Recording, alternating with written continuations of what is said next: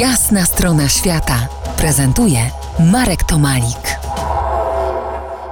Po jasnej stronie świata zmiana gości. W tle jednak pozostają silna pasja i Australia.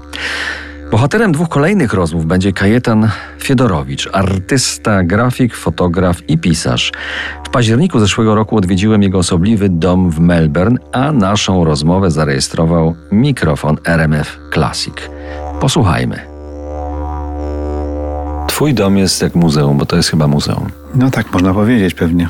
Stało się z tego muzeum. Masz tutaj dziesiątki, setki przedmiotów. Pierwsze skojarzenia to są Chiny, Azja i gabloty, w których są zdeponowane grzebienie. Dlaczego grzebienie? Te twoje grzebienie w twoim życiu. Grzebień mnie zafascynował, dlatego że był tak bardzo mało znany. Kiedy około 30 lat temu się tym zainteresowałem, kiedy znalazłem w czasie moich podróży po południowo-wschodniej Azji interesujące grzebienie, których nigdy przedtem nie widziałem. Staram się znaleźć jakieś informacje na ten temat, znaleźć jakieś książki, jakieś wydawnictwa. Grzebałem w bibliotekach i okazało się, że niespecjalnie jest na ten temat coś, coś dostępnego, więc to mnie zafascynowało, że tak w sumie e, ważny obiekt w życiu człowieka jest tak mało znany. Być może mało zdajemy sobie sprawę z tego, że to tak ważny przedmiot y, w życiu człowieka, przede wszystkim w tych dawniejszych epokach. Ponożu numer dwa?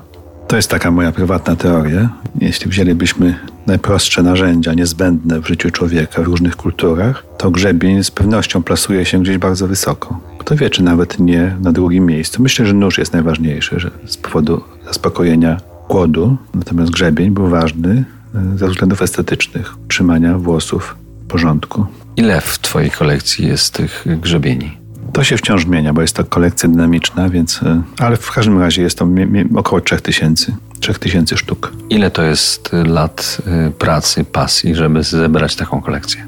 Około 30, 30 lat, oczywiście nie codziennie, ale z tym, że bardzo ważne jest to, żeby e, zaznaczyć, że nie są to wszystkie grzebienie, jakie są dostępne. Ja nie zbieram grzebieni jakichś plastikowych, codziennego użytku, które są powiedzmy używane w różnych współczesnych cywilizacjach.